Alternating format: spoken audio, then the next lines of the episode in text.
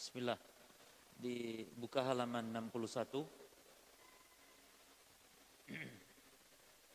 halaman 61 kaidah kaidah yang ke 33.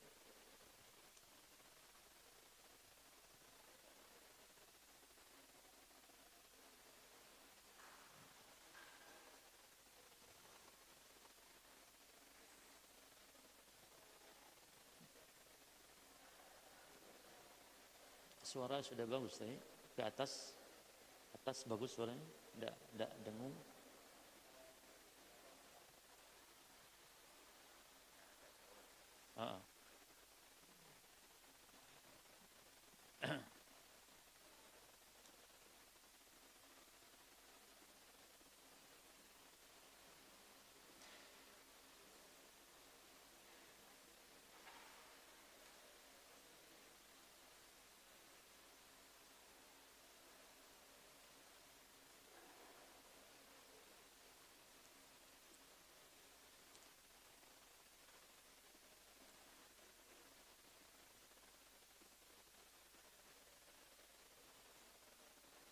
Ah, sudah ini? Sudah? Assalamualaikum warahmatullahi wabarakatuh. إن الحمد لله نحمده ونستعينه ونستغفره ونعوذ بالله من شرور أنفسنا من سيئات أعمالنا من يهده له فلا مضل له ومن يضلل فلا هادي له أشهد أن لا إله إلا الله وحده لا شريك له وأشهد أن محمدا عبده ورسوله صلى الله عليه وعلى آله وأصحابه والتابعين ومن تبعهم بإحسان إلى يوم الدين وسلم تسليما كثيرا. أما بعد إخواني في الدين وأخواتي في الله رحمني ورحمكم الله. Melanjutkan membaca kitab Al-Fawaid Al-Jaliyah fi Tauhid Rabbil Bariyah. Faedah-faedah yang penting tentang tauhid di dalam rangka mentauhidkan Allah Subhanahu wa taala. Sekarang masuk di halaman 61. Qala al-muallif hafizahullah taala Al-faidatu as-salisatu was-salasun. Faedah yang ke-33. Ar-raddu 'ala syubahi Ar-raddu menjawab ala syubahi atas syubah. Syubah ini bentuk jama dari syubhat, syubhatun. Ya. Syubhat itu artinya secara bahasa mirip artinya. Ya. Mirip. Nah. Jadi syubhat secara bahasa artinya mirip dan juga secara bahasa yang artinya al-iltibas. Al-iltibas atau al-iskal rancu. Ya. Makanya kita diharamkan tasyabbuh tasyabbuh artinya menyerupai.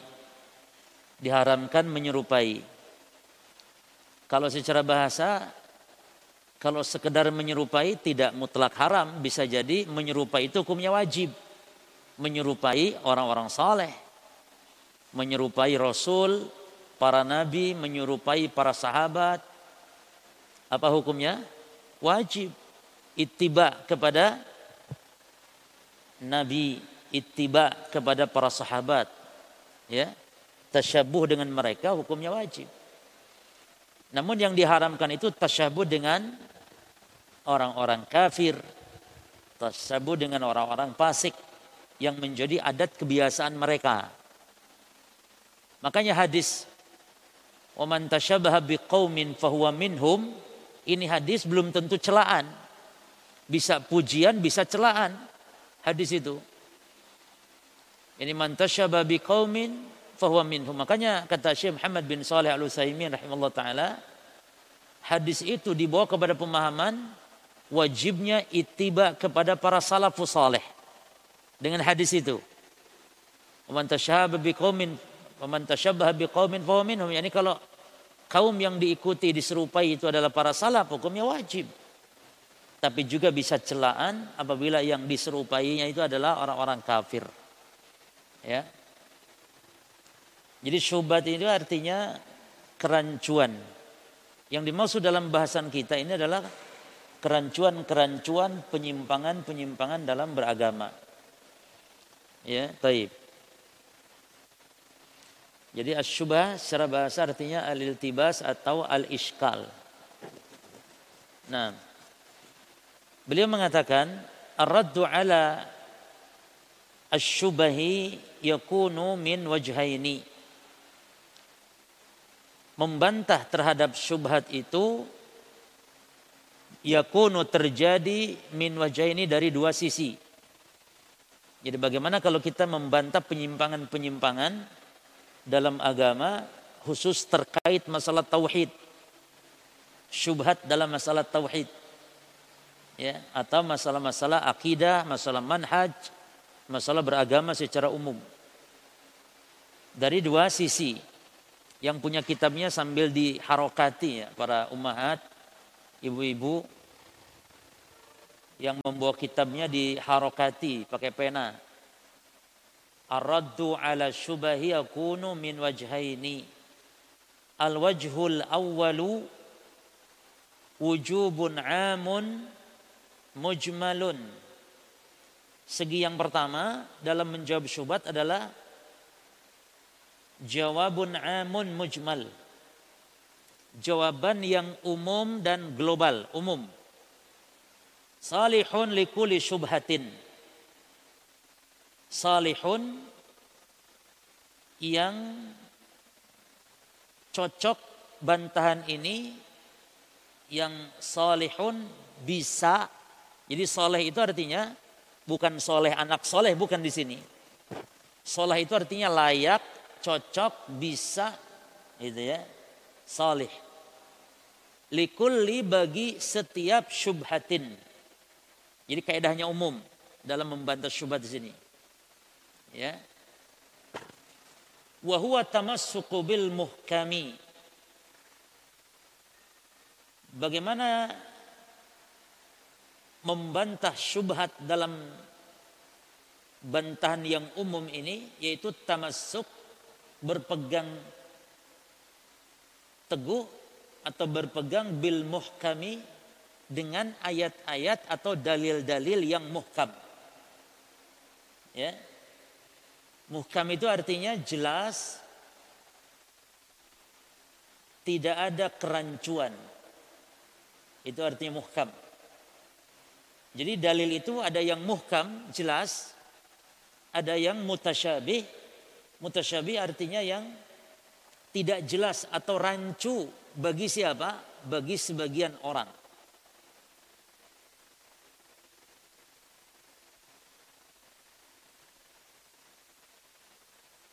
Jadi ayat-ayat mutasyabih ya dikatakan di dalam Quran seperti misalnya di dalam surah Ali Imran ayat yang ketujuh di situ disebutkan ada ayat yang muhkam, ada ayat yang mutasyabih.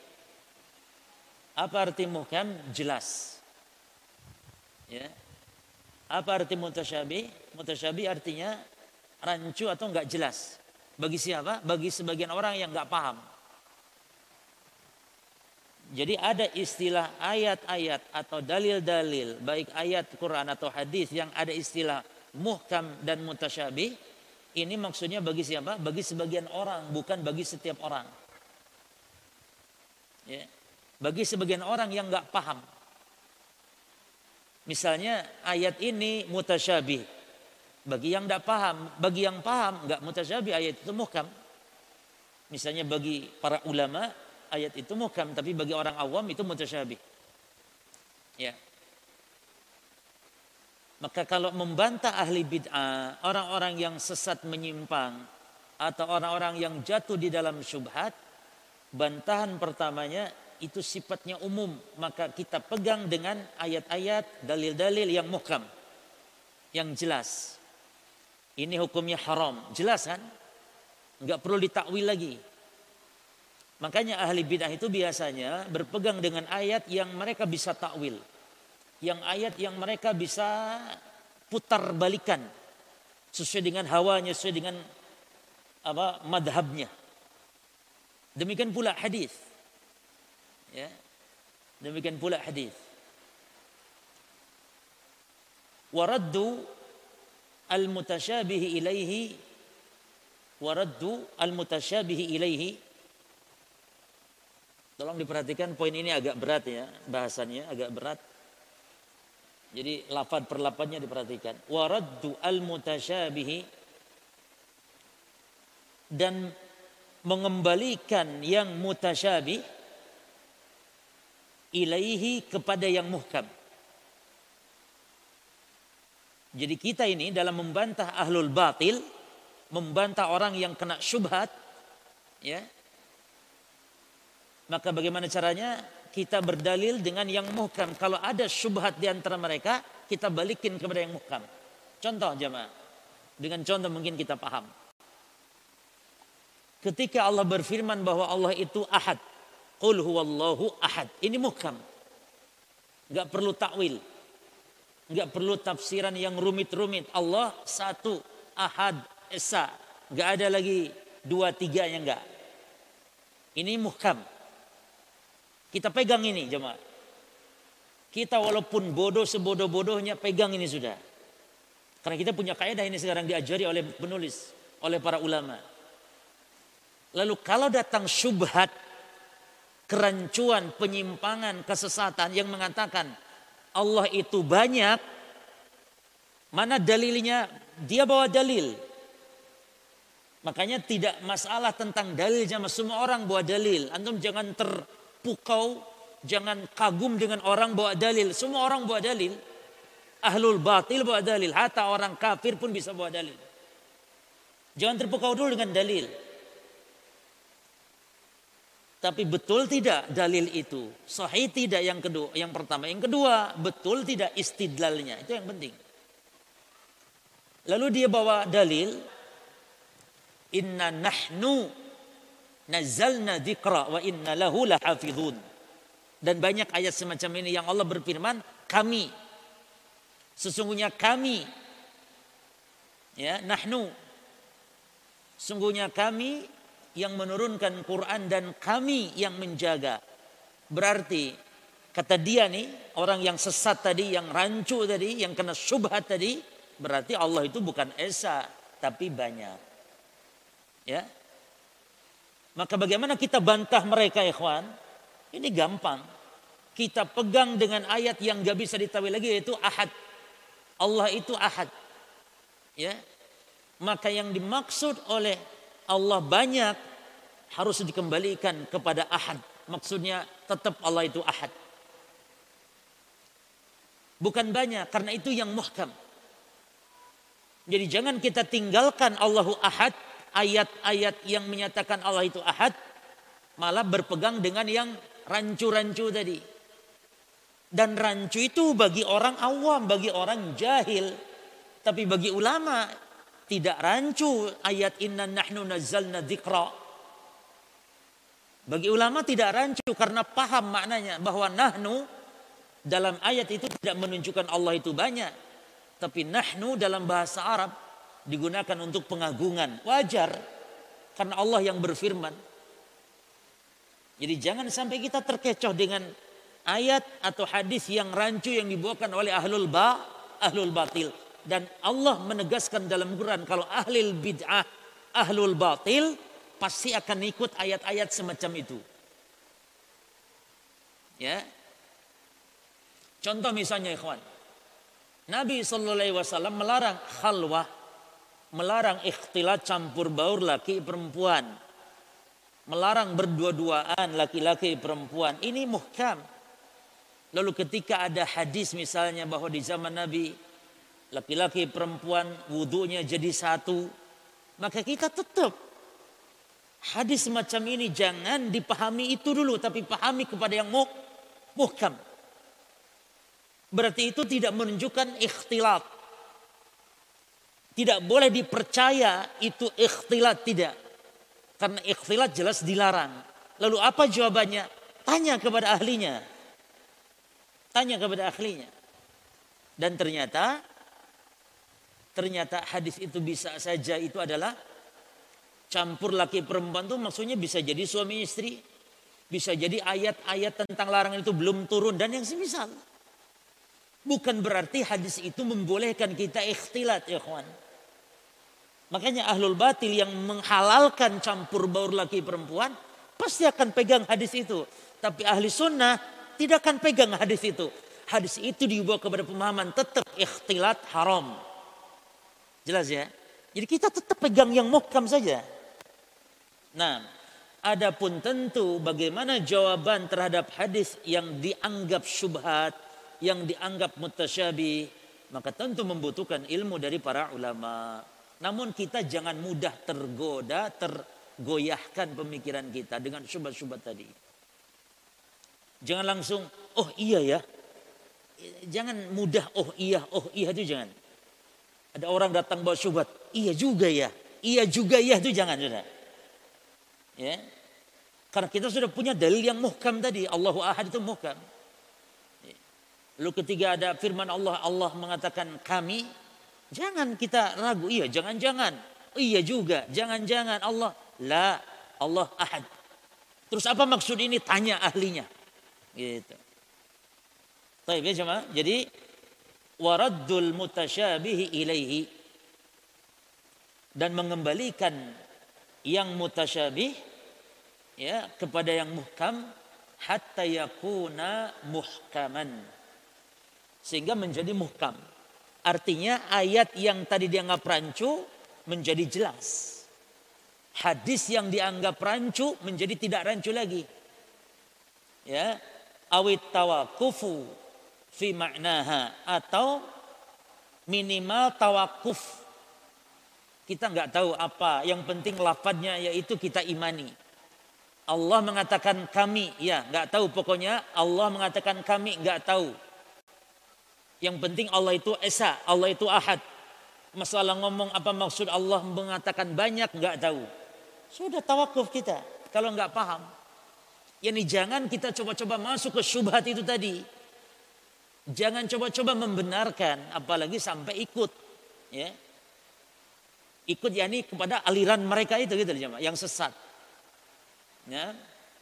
Awit tawakufu fi ma'naha atau tawakuf yang membiarkan apa adanya terhadap maknanya. Makna apa ayat yang dianggap rancu atau hadis. Ini bukan ayat saja jemaah. Bukan ayat saja yang bisa dianggap mutasyabih juga pada hadis-hadis. Ya. Wal imanu dan kita wajib beriman. Perhatikan ini. Wajib kita beriman ketika mendapati hal-hal rancu seperti itu Baik antum mungkin baca di internet atau mendengarkan seorang kalam ustadz kiai atau antum baca buku dan semisal kok muncul kelancuan gitu ya maka wajib kita iman bi anna kalam Allah la yatanaqad la yatanaqadu kita wajib beriman bahwa kalam Allah tidak akan kontradiksi di sini Allah mengatakan kami di sini Allah mengatakan Allah itu esa ahad tidak mungkin kalam Allah kontradiksi. Jelas ya? Berarti maknanya Allah mengatakan kami bukan berarti banyak, tetap Allah Esa. Tapi kenapa mengatakan kami yang menunjukkan banyak? Ini ada ilmunya, ada alasannya, namun kita tidak tahu. Siapa yang tahu? Ulama. Yang tahu ulama dan ulama menjawabnya. Itu. Makanya berjamaah wajibnya kita untuk mengenal Mungkin sesekali umat perlu dijelaskan ulama itu siapa. Ya. Ulama itu bukan ustadz, bukan kiai ulama itu. Ya. Makanya kita nih ya penuntut ilmu itu hanya menyampaikan kalam-kalam ulama. Jadi siapa ulama apa tolak ukurnya sebagai ulama yang didengar ucapannya dan semisalnya. Taib. Jelas ya sampai di sini? Jadi wajib kita mengimani bahwa kalam Allah itu tidak kontradiksi antara satu dengan yang lain. Jadi kalau ada nampak, nampak ya jemaah, nampaknya kok kontradiksi, maka berarti pemahaman kita yang belum sampai. Jadi jangan disalahkan ayatnya dulu yang kontradiksi. Tapi kalau antum menjumpai ada ayat kok nampaknya kontradiksi, yang antum harus salahkan adalah akal kita dulu, pemahaman kita dulu yang kita salahkan. Contoh misalnya ketika Allah mengatakan tentang Nabi Muhammad. Di satu ayat Allah mengatakan innaka latahdi. Ya. Bahwa Muhammad tidak mampu memberi petunjuk. Allah mengatakan innaka la tahdi man ahbabta walakin Allah yahdi man yasha. Di satu ayat Allah berfirman Nabi Muhammad itu tidak mampu memberi petunjuk hatta kepada orang yang dicintainya. Allah yang memberi petunjuk. Eh di satu ayat yang lain Allah berfirman Wa innaka la tahdi ila siratin mustaqim. Sungguh Muhammad engkau benar-benar memberi petunjuk. Kontradiksi tidak dohirnya? Kontradiksi tidak dohirnya cuma kontradiksi.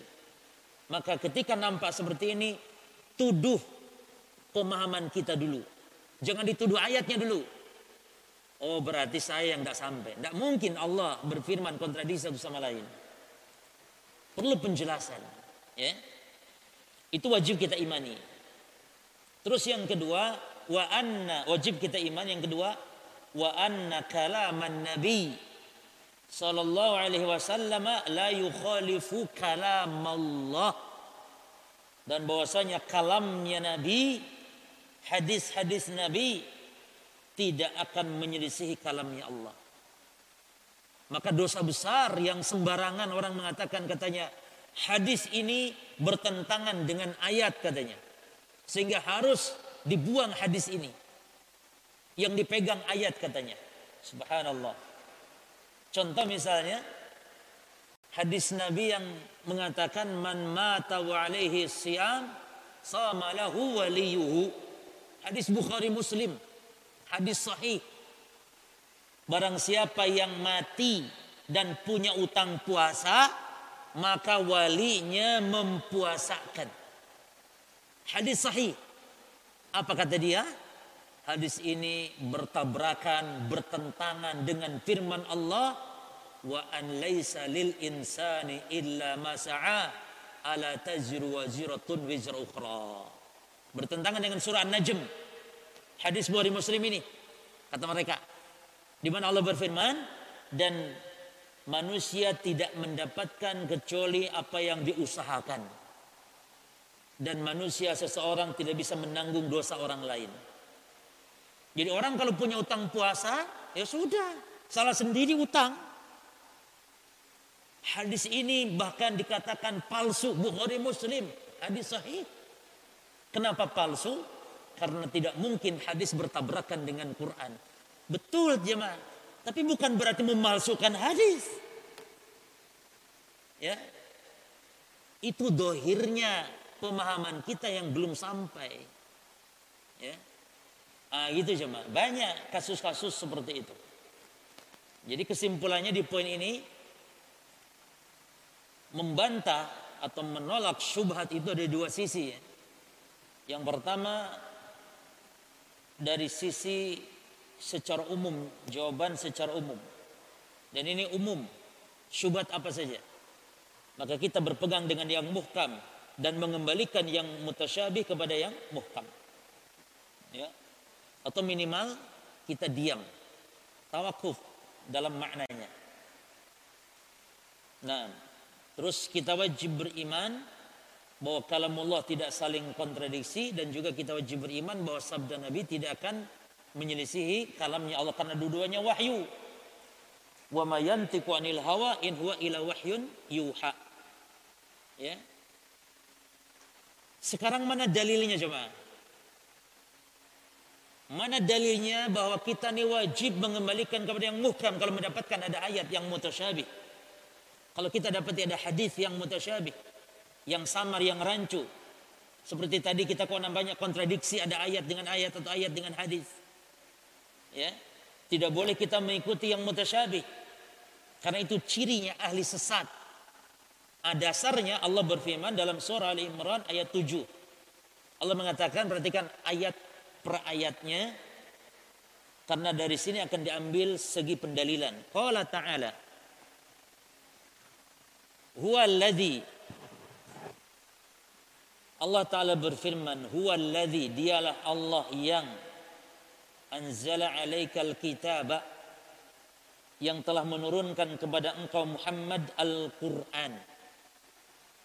Al-Kitab Yang dimaksud dengan Al-Kitab di sini juga Masuk di dalamnya As-Sunnah ya ma. Masuk di dalamnya As-Sunnah Karena itu juga wahyu dari Allah. Ya. Minhu di antara Alkitab itu ayatun muhkamatun. Ada ayat-ayat yang muhkamat, ayat-ayat yang jelas. Ya. Hunna ummul kitab dan ayat-ayat itu adalah induknya Alkitab. Induknya Alkitab. Perhatikan jemaah. Dari ayat ini kita ambil kesimpulan dari perkataan mu'alif tadi bahwa jika kita mendapati ayat-ayat yang mutasyabih wajib kita kembalikan ke mana? Ke yang muhkam. Ini dia ayat dalilnya nih. Di antara Alkitab kata Allah isinya itu ada yang muhkamat ya. Ah, yang muhkamat ini dijuluki oleh Allah ayat-ayat muhkamat dalam Quran itu dijuluki oleh Allah apa? Ummul kitab. Um. Apa um itu? Induk. Induk itu jamaah pusat kembali segala sesuatu. Itu induk itu. Sama dengan Ummul Qura, sama dengan um ibu kota, ya. Itu kan kembali sehingga dalam ayat ini pun dipahami demikian. Jadi ayat-ayat yang muhkam itu adalah tempat kembali. Ketika ada yang mutasyabih, kembalikan yang muhkam. Maka pendalilannya ikhwan, oleh karena itulah dalam Quran ayat muhkamat disebut umul kitab. Karena dia tempat kembali um itu. Um itu tempat kembali segala sesuatu. Ya, yang menjadi rujukan. Nah, lalu wa ukharu dan yang lainnya dari ayat Quran ada yang mutasyabihatun ada yang mutasyabihat. Sebenarnya para jamaah sekalian, istilah mutasyabihat perlu dirinci begini. Ayat-ayat mutasyabih itu ada dua makna.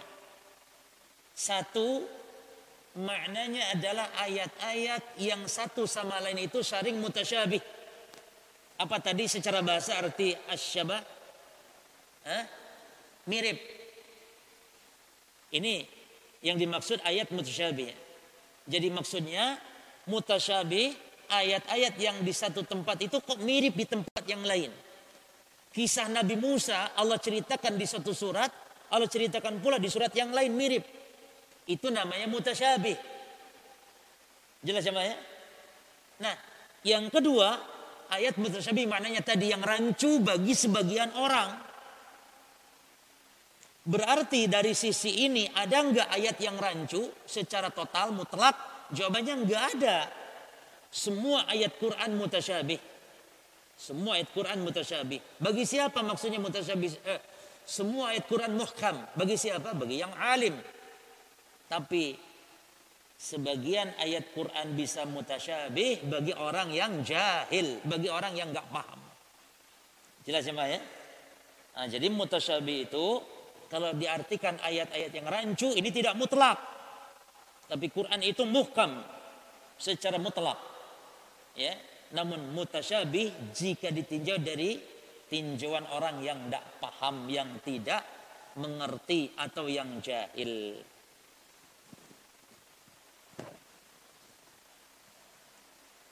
Jelas jemaah sampai sini? Nah, lanjutkan ayatnya. Ini dalil yang menunjukkan kalau ahli bid'ah mesti dia akan mencari ayat-ayat yang bisa dibolak-balik. Bisa dibawa kepada pemahaman. Ya. Makanya jangankan kalamnya ulama yang bisa dipelintir. Jangankan kalam ulama ya ikhwan. Hatta ayat Quran pun bisa dipelintir. Apalagi kalau cuman kitabnya ulama. Seperti kitab Syekh Muhammad bin Abdul Wahab, kitab Tauhid. Dipelintir itu Di situ katanya dikatakan Syekh Muhammad bin Abdul Wahab mengkafir-kafirkan umat Islam, mengkafir-kafirkan kaum muslimin. Padahal tidak ada. Dalam kitab misalnya Nawakidul Islam katanya pembatal-pembatal Islam, Syekh Muhammad bin Wahab mengkafir-kafirkan. Padahal tidak. Karena berbicara di situ bukan memponis orang, tapi memponis perbuatan. Konsekuensinya belum tentu orang. Ada orang berbuat kafir, berbuat kekufuran. Apakah orangnya diponis kafir? Belum. Orang yang berbuat bid'ah apa harus diponis orangnya ahli bid'ah? Belum. Karena ponis orang itu ada syarat-syaratnya jemaah. Ponis orang itu ada penghalang-penghalangnya. Jika terpenuhi syaratnya, ya, dan tidak ada penghalangnya, jatuhlah dan jatuh pun yang menjatuhkan menghukumi bukan hanya ulama, tapi juga harus qadi yang menghukumi. Maka kita tidak berbicara orang, berbicara umum kita ini orang yang melakukan bukan orang tertentu tapi yang melakukan siapa pun dia. Apa kata Allah? Fa ladzina fi qulubihim adapun orang yang di dalam hatinya ada zaig. Zaig yakni kecondongan kepada kesesatan. Orang yang dalam hatinya condong kepada kesesatan maka dia fayattabi'una maka dia akan mengikuti mata minhu. Apa yang rancu tadi dari ayat-ayat Al-Quran atau dari hadis-hadis? Ya. Orang yang sesat akan mengatakan ikhtilat campur baur lagi perempuan boleh kok. Siapa bilang haram? Mana dalilnya ini? Nabi yang disebutkan di situ katanya para sahabat wudhu campur baur. Boleh-boleh saja. Ya. Bukankah ada larangan di sini campur baur? Bukankah ada larangan di sini larangan kalau laki perempuan dua-duaan? Apa kata mereka? Loh, itu nggak usah dibawa.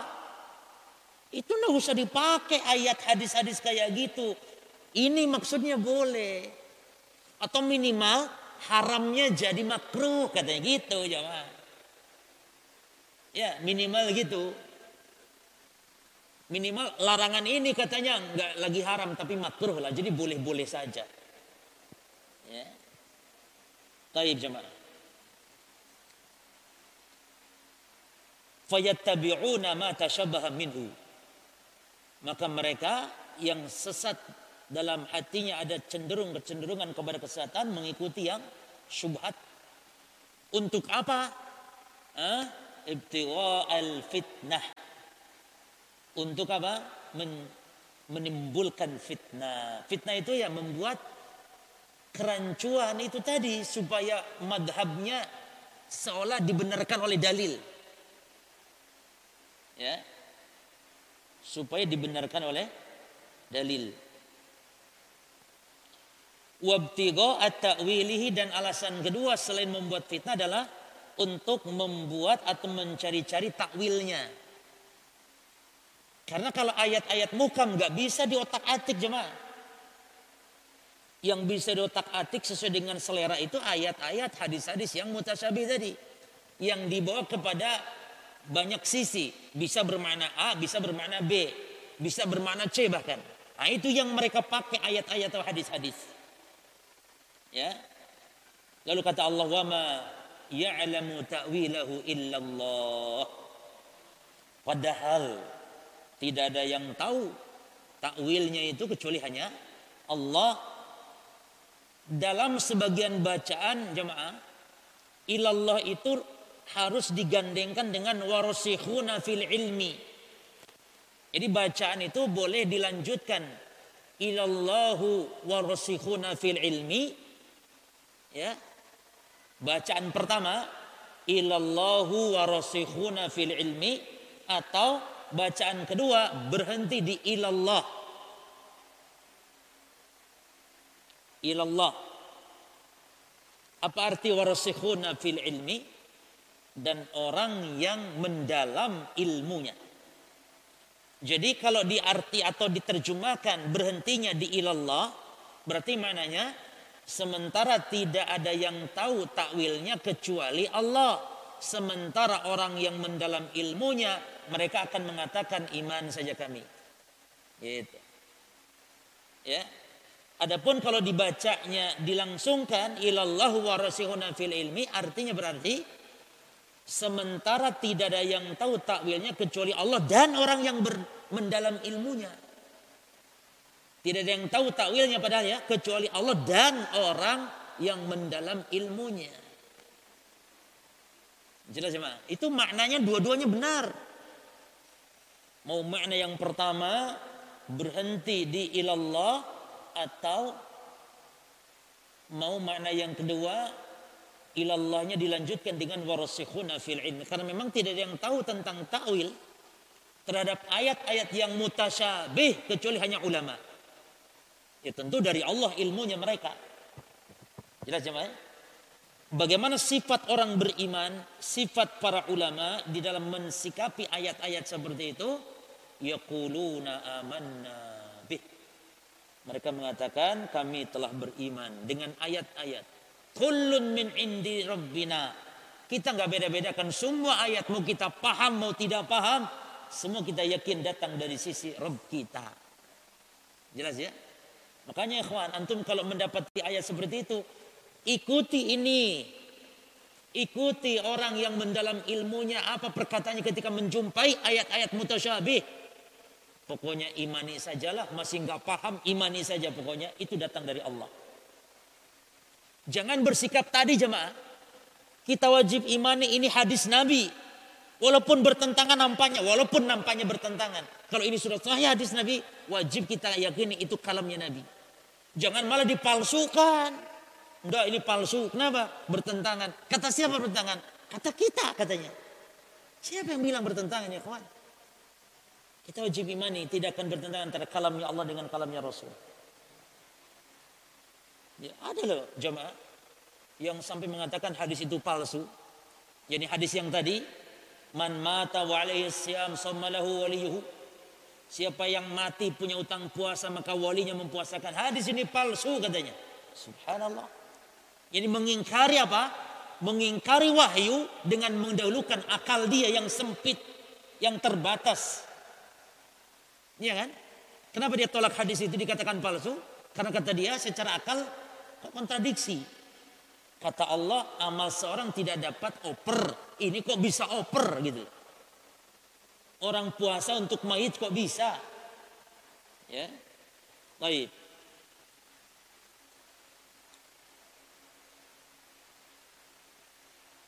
Terus wa ma yadzakkaru illa ulul albab dan tidak ada yang bisa mengambil pelajaran ya kecuali orang-orang yang ulul albab yang berakal yang menggunakan akalnya untuk memahami syariat bukan untuk menolak syariat karena akal itu wajib tunduk kepada nakal jemaah.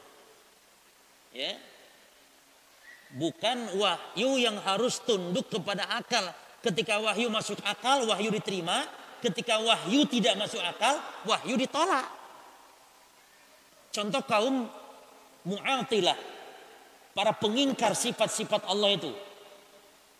Ketika mereka mengatakan Allah itu nggak mungkin punya tangan. Karena kalau yang punya tangan itu makhluk. Maka setiap ayat-ayat yang mengatakan Allah punya tangan ditolak dengan cara ditakwil kepada mana lain. Ada yang ditolak mentah-mentah. Allah tidak punya tangan. Karena menurut akal kalau punya tangan itu cuma makhluk katanya. Siapa bilang yang punya tangan itu cuma makhluk? Ya. Bung sesama makhluk saja jemaah punya tangan, sama-sama tangan. Makhluk punya sama-sama kaki. Namun tidak sama. Sementara Allah telah berfirman, "Laisa kamitsli syai'un wa huwas samiul basir." Allah punya sifat sebagaimana makhluk juga punya sifat, namun tidak serupa. Karena Allah Subhanahu wa taala telah tegas mengatakan laisa kamitslihi syai'un. Ya. Kaum As'ariyah termasuk salah satu contoh ketika menetapkan sifat yang tujuh atau tujuh sifat bagi Allah cara penetapannya secara akal cuma antum belum catat ini jadi antum tulis judulnya bagaimana kaum Asy'ariyah dalam menetapkan tujuh sifat. Bagaimana kaum Asy'ariyah dalam menetapkan tujuh sifat. Sifat yang tujuh ya. Lalu dimodifikasi menjadi dua puluh. Cuman tujuh ditetapkan. Begini caranya kawan. Satu. Adanya alam semesta. Adanya alam semesta menunjukkan sifat kudrah Allah. Kudrah artinya kuasa. Ya. Adanya alam semesta, adanya makhluk menunjukkan sifat katanya apa? Kudrah Allah. Kata siapa? Kata akal. Yang kedua jemaah. Taksisul makhlukat keanekaragaman makhluk ini keanekaragaman makhluk ini ada bumi, langit, gunung, matahari, manusia, binatang, malaikat. Adanya keanekaragaman ini makhluk menunjukkan sifat irodah katanya. Irodah Allah. Apa irodah? Kehendak Allah. Jadi begitu mereka menetapkan. Ya. Kalau antum bagaimana menetapkan sifat irodah Allah? Berdasarkan Quran berdasarkan hadis. Walaupun menurut akal nggak masuk akal, tapi wajib tetapkan. Ini kita. Asy'ariyah tidak. Menetapkan sifat iradah karena apa katanya? Taksisul makhlukat. Keanekaragaman makhluk. Yang ketiga ya kawan. Ihkamul makhlukat tersusunnya makhluk dengan tertib menunjukkan sifat ilmu bagi Allah katanya. Ya. Apa? Ikhwan yang ketiga. Hah? Ketersusunannya makhluk ya dengan tertib matahari terbit dari kan tertib toh? Tertib manusia kalau lapar makan tertib. Matahari terbit dari barat tertib. Nah, ihkam ihkam itu dari tertibnya makhluk. Ihkamul makhluk, tertibnya makhluk menunjukkan sifat apa katanya? Ilmu. Ditetapkanlah ilmu. Kalau antum menetapkan sifat ilmu dari mana? Dari Quran. Innallahu was-sami'ul alim, sami' al-alim. Sudah beres perkara. Kalau dia hendak menetapkan sifat ilmu katanya apa? Dari keteraturannya alam semesta. Terus ikhwan, yang keberapa? Hah? Yang keempat, yang keempat ikhwan. Tiga sifat itu, tiga sifat itu dalam kurung apa tadi?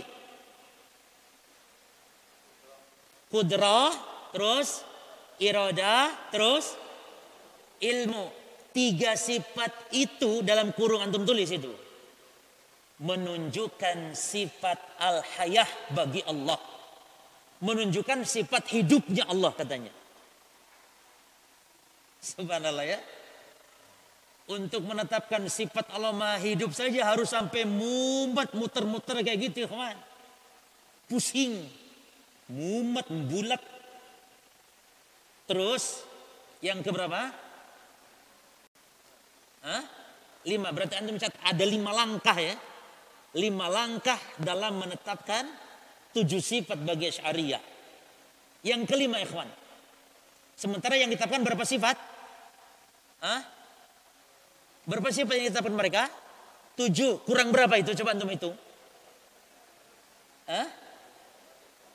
Hah? Kurang tiga. Yang kelima ikhwan. Allah maha hidup tidak mungkin kecuali memiliki tiga sifat. Allah Maha Hidup tidak mungkin kecuali memiliki tiga sifat. Ah, siapa yang bisa? Apa tiga sifat itu yang menunjukkan Allah hidup? Ah, yang pertama as-sama' mendengar. Yang kedua al-basar. Apa al-basar? Melihat dan yang ketiga al-kalam al-kalam. Jelas ya? Berapa langkah? Lima langkah. Itu hafalkan itu. Hafalkan kesesatan orang. Supaya kita tidak jatuh ke dalamnya. Yang aneh bin ajaib ya kawan. Yang aneh super. Super super aneh bin ajaib. Mereka mengingkari sifat rahmat. Yang aneh ya. Ya jelas semua sifat mereka ingkari ya. Salah satunya yang paling aneh sifat rahmat kasih sayang Allah mereka ingkari. Apa alasannya? Karena kalau Allah punya sifat rahmat kasih sayang berarti Allah butuh katanya. Antum cinta kasih sayang sama anak dan istri karena antum butuh anak istri. Makanya Allah nggak mungkin begitu sehingga dia ingkari. Kita katakan, kenapa ente tidak tetapkan sifat rahmat secara akal? yang penetapan sifat rahmat dengan akal lebih gampang daripada penetapan yang tujuh tadi secara jelimet. Orang bodoh kalau ditanya tentang rahmat Allah dengan akalnya, dia mampu untuk langsung berpikir demikian tidak dengan dengan mudahnya. Misalnya orang bodoh ditanya, Allah punya sifat rahmat kasih sayang? Iya. Apa cirinya menurut akal? Cirinya adalah kalau ada orang sakit Allah sembuhkan. Orang yang sakit Allah sembuhkan. Orang yang lapar Allah kasih makan. Itu menunjukkan rahmat Allah secara akal itu. Gampang. Coba orang bodoh tanya. Adanya alam semesta menunjukkan sifat apa? Bingung coba. Ketersusunan makhluk menunjukkan sifat apa? Bingung. Ya, apa yang menunjukkan Allah Maha Hidup? Bingung. Harus mikir. Tapi apa yang menunjukkan sifat rahmat Allah? Orang bodoh Arab gunung akan mengatakan yang menunjukkan sifat rahmat Allah adalah kita kalau lapar dikasih makan sama Allah. Kita kalau sakit disembuhkan sama Allah. Itu rahmat Allah. Nah ini jemaah kesesatan, penyimpangan. Ya. Taib. Waqala lihat kembali kepada kitab. Sallallahu alaihi wasallam dan Nabi SAW telah bersabda tentang ayat ini ya ikhwan tentang ayat ini. Itu surah Ali Imran. Ayat yang ketujuh. Ini surat antum hafalkan dan ini dalil. Yang kita wajib berpegang dengan yang muhkam. Dan mengembalikan yang mutasyabih kepada yang muhkam ketika kita menjumpai kerancuan dalam dalam nas. Apa kata Nabi? Idza ra'aitum apabila kalian melihat alladzina orang-orang yang yattabi'una mengikuti mata syabah minhu apa yang mutasyabih. Kalau kalian lihat ada orang yang ngikut yang mutasyabih dari ayat-ayat, dari nas-nas, kata Nabi faulaika maka mereka itulah alladzina orang-orang yang sammallahu yang Allah telah juluki dalam ayat. Apa kata Allah orang yang seperti itu apa tadi? Hah? Jemaah, yang mengikuti mutasyabih itu Allah sebut apa di Quran? fi kulubihim zaig yang ada sesat dalam hati mereka. Ini orang-orang yang sesat. Kata Nabi, itulah yang Allah sebut mereka orang yang sesat. Lalu kata Nabi enggak sampai di situ perhatikan ikhwan. Ini ini dalil menunjukkan wajibnya mentahdir, memperingatkan manusia dari kesesatan seseorang. Maka memperingatkan manusia dari kesesatan seseorang ini bukan gibah.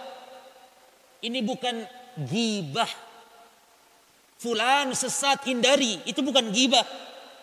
Apalagi dia membuat kesesatan di medsos. Tapi yang mentahdir siapa dulu? Yang mentahdir tentu orang yang alim. Tentang kesesatan si fulan ini. Bukan sembarang penuntut ilmu tentunya. Apa kata Nabi? Dalil bahwa ayat ini eh, dalil bahwa kita wajib mentahdir orang yang sesat. Nabi mengatakan fahdharuhum maka hati-hati kalian kata Nabi dengan orang sesat tadi. Yang suka ngikut ayat-ayat mutasyabih. Contoh yang mutasyabih itu jemaah seperti tentang tawasul dan nanti akan dikaji panjang lebar oleh muallif di sini. Jadi muallif setelah membuat sebuah kaidah di awal di kaidah berapa ini tadi? Kaidah 33 baru di kaidah 34, 35, 36, 37 mu'alif mencontohkan syubhat-syubhat kerancuan-kerancuan manusia dalam tauhid. Ini Dan insya Allah ini cepat selesai kitab ini nanti. 40 kaidah cuma. Ini sekarang 33 ya. Nah. Satu kaidah sampai satu jam. Ya tidak cukup. Si lama ini kita aneh. Ini al-wajusani, wajah yang kedua belum. Tapi yang pertama tadi apa kata Nabi? Fahdharuhum. Maka hati-hati. Ya.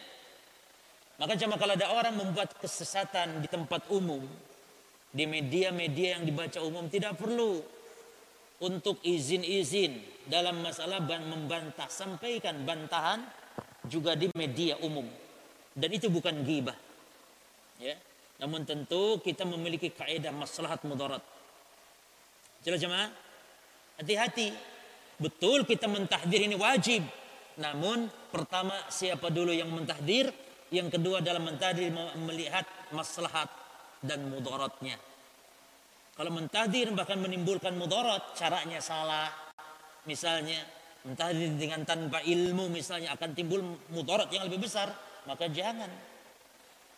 Ada kaidah-kaidahnya. Terus al-wajhus sani.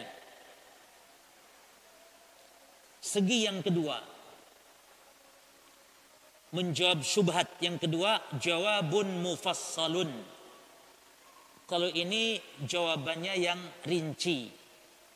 Yaruddu bihi an kulli syubhatin bi'iniha. Di mana dengan jawaban rinci ini yaruddu menjawab bihi dengan jawaban mufassal itu an kulli syubhatin setiap syubhat namun bi'ainiha. Setiap syubhat bi'ainiha secara tersendiri, bukan umum. Kalau syubhat tentang ini jawabannya ini. Syubhat tentang tawasul jawabannya ini. Ya kan? Syubhat yang mengatakan Allah itu bukan istiwa tapi istaula di atas aras jawabannya ini. Syubhat yang mengatakan bahwa Allah itu ada di mana-mana, syubhat ini nih jawabannya ini. Jelas ya ya? Bukan dengan umum, tapi tambah dengan yang khusus. Ya umum juga boleh, tapi harus ditambahkan dengan jawaban secara rinci. Namun ini tidak setiap orang tentunya. Kalau yang tadi antum pun bisa jawab itu. Artinya antum bisa membantah itu. Jadi kalau yang pertama itu senjata kita ikhwan. Adapun senjata yang kedua ini. Ini orang-orang yang memang tentu khusus orang yang alim di bidangnya. Perhatikan. Wahada la yakunu dan ini tidaklah terjadi illa kecuali liman lahu ilmun bagi yang punya ilmu wattila'un dan yang meneliti yang meneliti secara mendalam itu maksudnya. Ya bi kitabillahi taala wa sunnati rasulih sallallahu alaihi wasallam. Jadi ini bu, bukan lagi penuntut ilmu lagi sudah. Ya apalagi awam cuma makanya anak sering sarankan untuk membantah membantah yang syubhat di medsos bukan kita. Jangan antum jangan. Biar para asatidah guru-guru kita ya kalau kita hanya share ilmu saja bagaimana akidah bagaimana tauhid bagaimana ibadah share ini syirik ini share ya jangan antum judulnya membantah fulan syubhatnya ini bantahnya menurut anak wah kalau sudah menurut menurut anak tambah nemen itu ya jemaah ya. Sekarang banyak tuh bermunculan dai-dai yang penuh dengan syubhat. Ya. Dari mana itu? Dari Sumatera.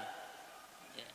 Dan dia tokoh yakni liberal ya yang mengatakan tentang tawasul juga banyak penyimpangannya tawasul bahkan yang mengatakan wali yang gila itu sudah mencapai tingkatan yang kita belum sampai ke situ katanya. Wali yang gila itu. Yani menjadi wali Allah itu ada yang memang harus seperti itu, harus seperti gila. Ya. Yang mengatakan bahwa orang-orang salafi yang berjenggot itu seperti Yahudi. Yahudi ortodok katanya. Nah, itu antum sudah tahu. Ya. Taib itu guru filsafat, filsafat betul yang para ulama kita mencela ilmu itu. Ya. Baik. Sampai mana? Illa taib.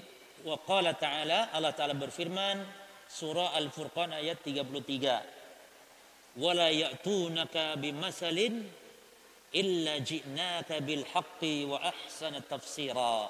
Ini dalil yang menunjukkan bahwa setiap kesesatan itu jamaah ada bantahannya. Ya.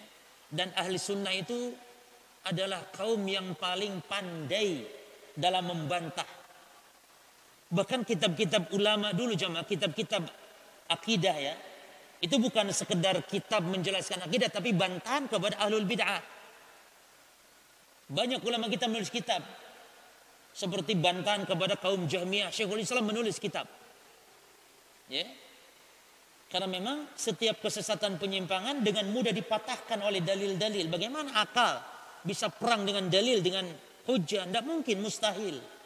Bagaimana kebatilan bisa menang melawan apa? melawan al-haq. Namun terkadang penyampaiannya yang salah sehingga bisa kalah itu dalam tanda kutip jemaah. Adapun kalah hujah mustahil bagaimana kebenaran Allah dan Rasul dikalahkan oleh ahli bid'ah Kan gitu. Dan bagaimana mungkin kesesatan dibela oleh Al-Quran, oleh As-Sunnah? Gak mungkin. Ya. Makanya ada adab-adabnya dalam debat itu. Dan penulis nanti akan jelaskan setelah ini. Adab dalam berdebat.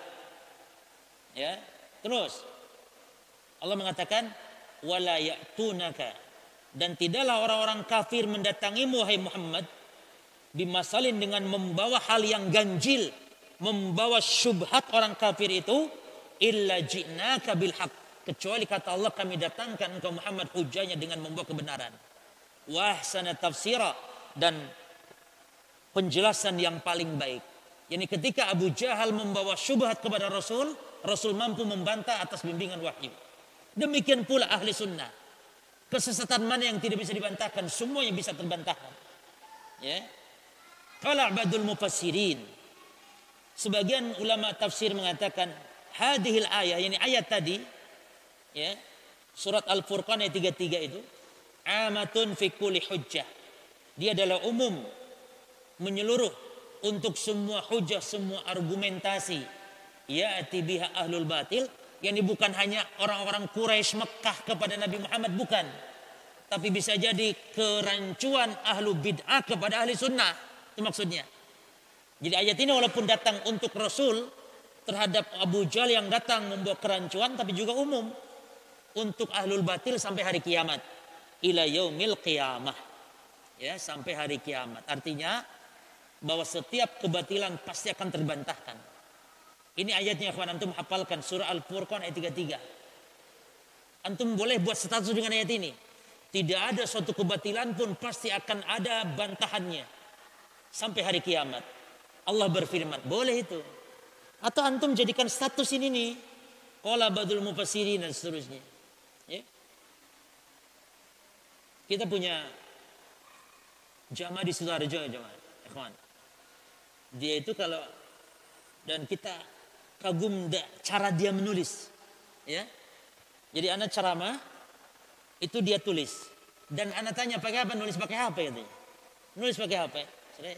Selesai kajian dia buatkan itu tulisan dalam sebuah PDF. Katanya Ustaz ini hasil anak tadi kajian antum. Dan ternyata Masya Allah tak lihat. Kayak anak direkam kayak gitu. Terus dalilnya tertulis. Walaupun terkadang dalilnya nggak dituliskan karena anak nggak nyampaikan riwayat siapa. Tapi minimal tercatat. Demikian Evan harus pandai-pandai menulis gitu. Habis. Tapi ya kita lanjut nanti insya Allah. A'lam. Subhanakallah bihamdika. Asyhadu an la ilaha illa anta. Astagfirullahaladzim. Assalamualaikum warahmatullahi wabarakatuh.